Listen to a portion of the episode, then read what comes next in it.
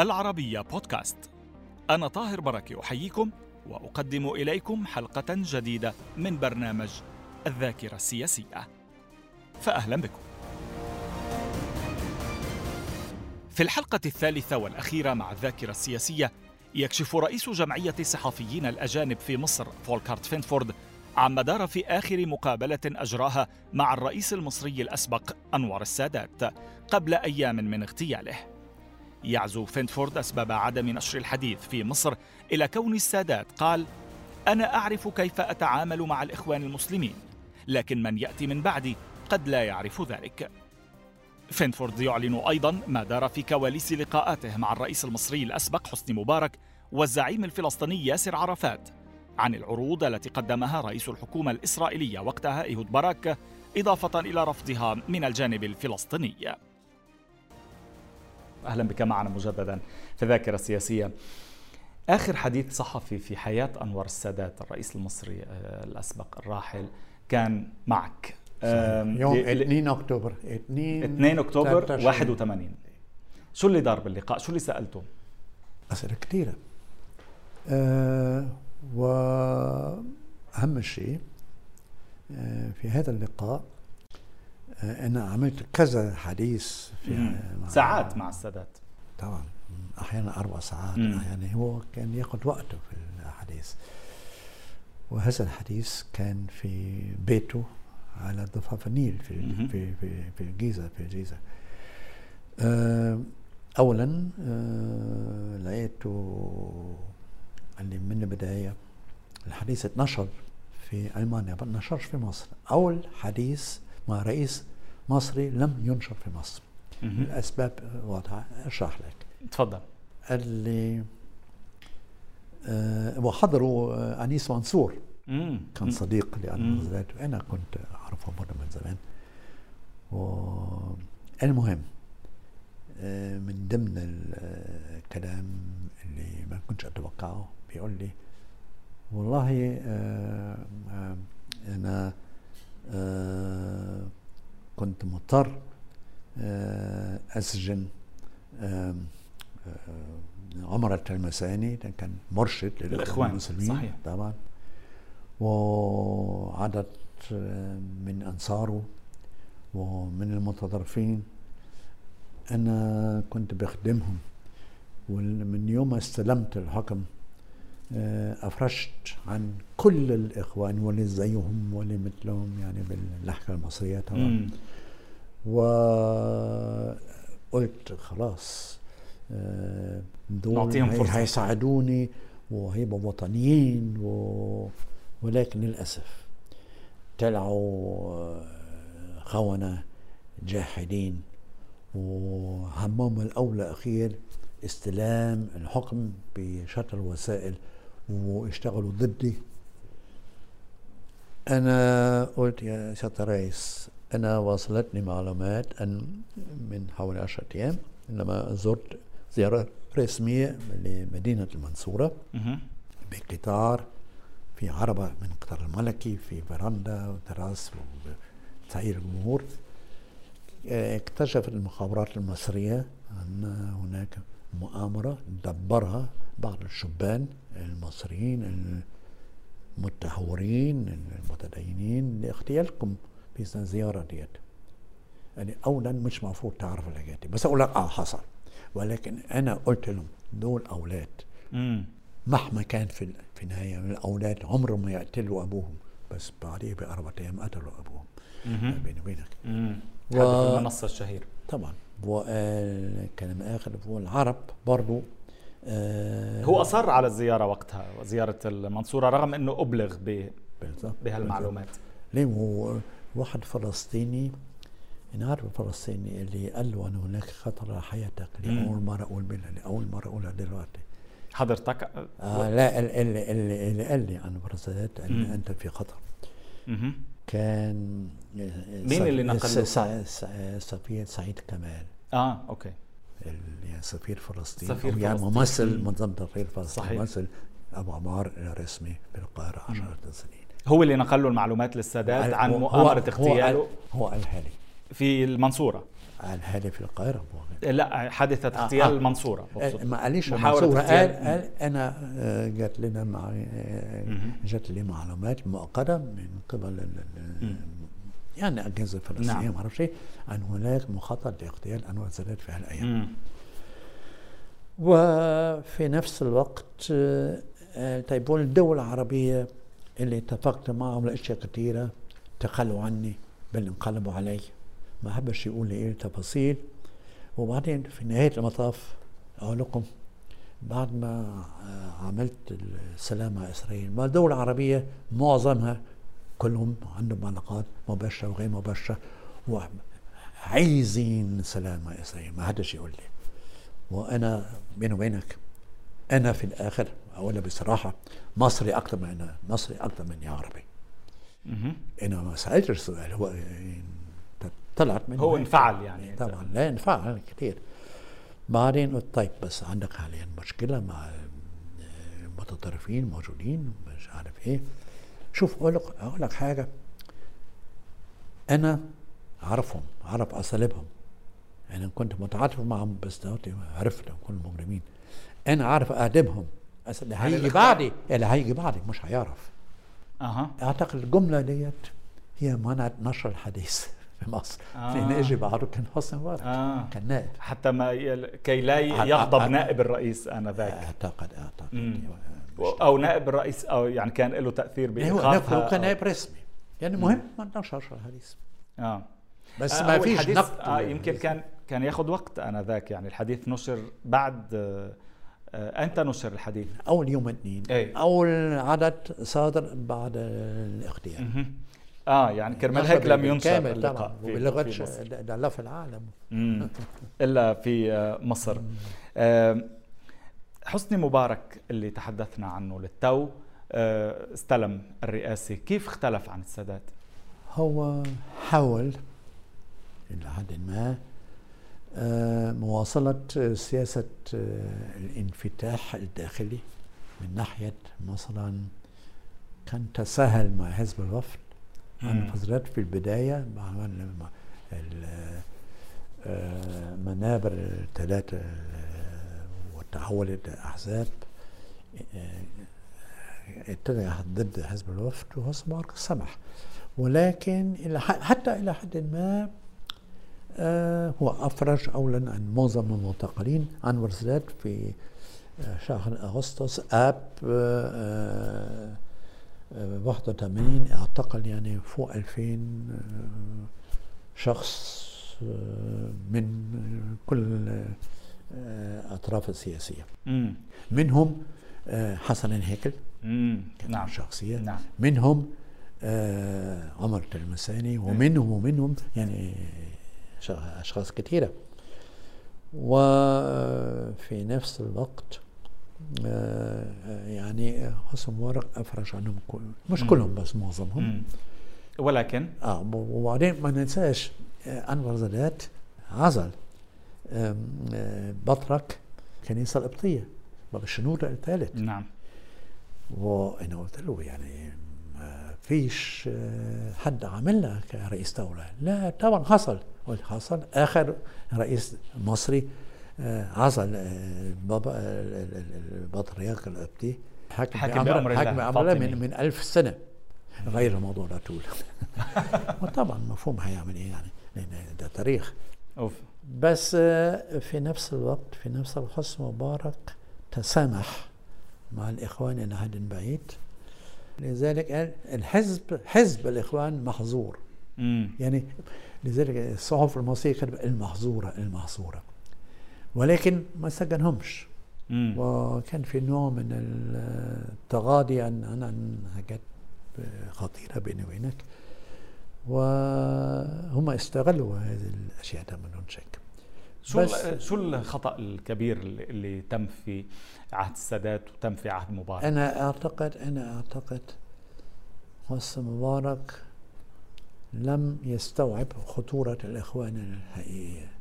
الاخوان خطيرين يعني وفي ناس قالوا له حتى في المملكة العربية السعودية بعد ما كانوا يحتضنونهم واكتشفوا هيئتهم.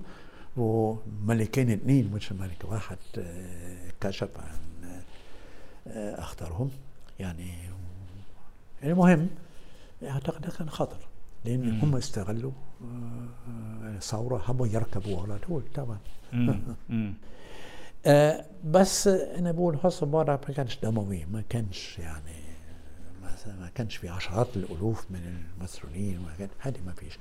ولكن ترك كمان أمور الحكم إلى حد ما لابنه علاء جمال. وجمال.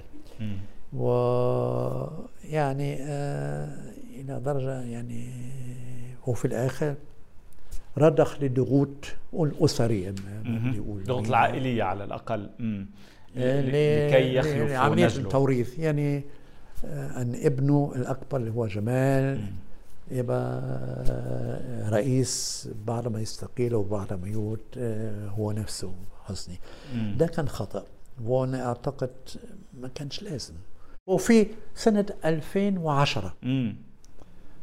يعني قبل الثورة بأشهر لما سألته يا رئيس دلوقتي بدأت نشر بس خدت موافقته وقال انشر طيب بس دلوقتي حضرتك ماشي مع التوريث وهل عايز فعلا عن ابنك يبقى ده يبقى ملكية؟ أنا ولا شوف إحنا مش في سوريا. لأن في سوريا حصل أن توريث. آه طبعا. لا لا. يعني في فبراير 2010 مبارك قالها لي. عندي صوت وصورة ده يبين إن كان في شيء مش 100% في العيلة. والا ما كانش قال الكلام ده.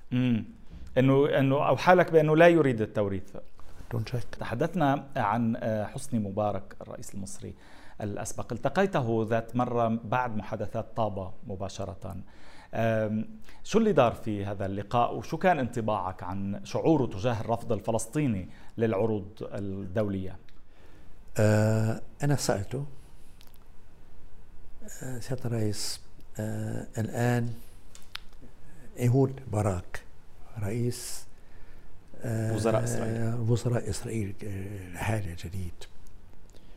أبدأ استعداد يعني حسب الصحافة الإسرائيلية نفسها آه أنه يتخلى عن معظم أراضي بالنزع عليها الضفه الغربيه بالتبادل الاراضي يعني أنا عايز أقول لك حاجة أنا كلمة اللهجه المصرية. أنا قلت يا ابو عمار ما تقدرش غبي وترفض. ما فيش حد إسرائيل مسؤول من هنا ورايح يعرض عليك الأرض بالكامل يسمح لك. أنك تجعل القدس العربية عاصمتك دولة فلسطين. وشوية تبادل أراضي بدون ما تخسر دي فرصة. ما تبقاش غبي. قلت له بس دي ما تتنشرش. فعلا ما نشرناش. طلب منك مبارك ألا تنشر مثل لا هذا الحديث؟ لا لا إحنا ما نشرناهاش. المهم عرفت قال لي والله بعديها بكثير قال لي يا ريت لو كنت سمعت كلامه. ده اللي قاله لي. أوف. و... أبو عمار قال لك يا ريت كنت سمعت كلام مبارك. آه بس في أشياء كثيرة ولازم تلعب دور وعليها ضغوط داخلية و... قول ده صح دون شك يعني ضغوط داخلية هي التي حالت دون قبول عرض باراك يعني أعتقد هو تفسيري أنا النهارده أنا هو كان يعتقد أنه يتمكن من اخذ أقصر. وما لم يدرك كل مرة كنا نخسر أن, أن مبارك تقييم مبارك كان أصح. مم. لأن في حدود.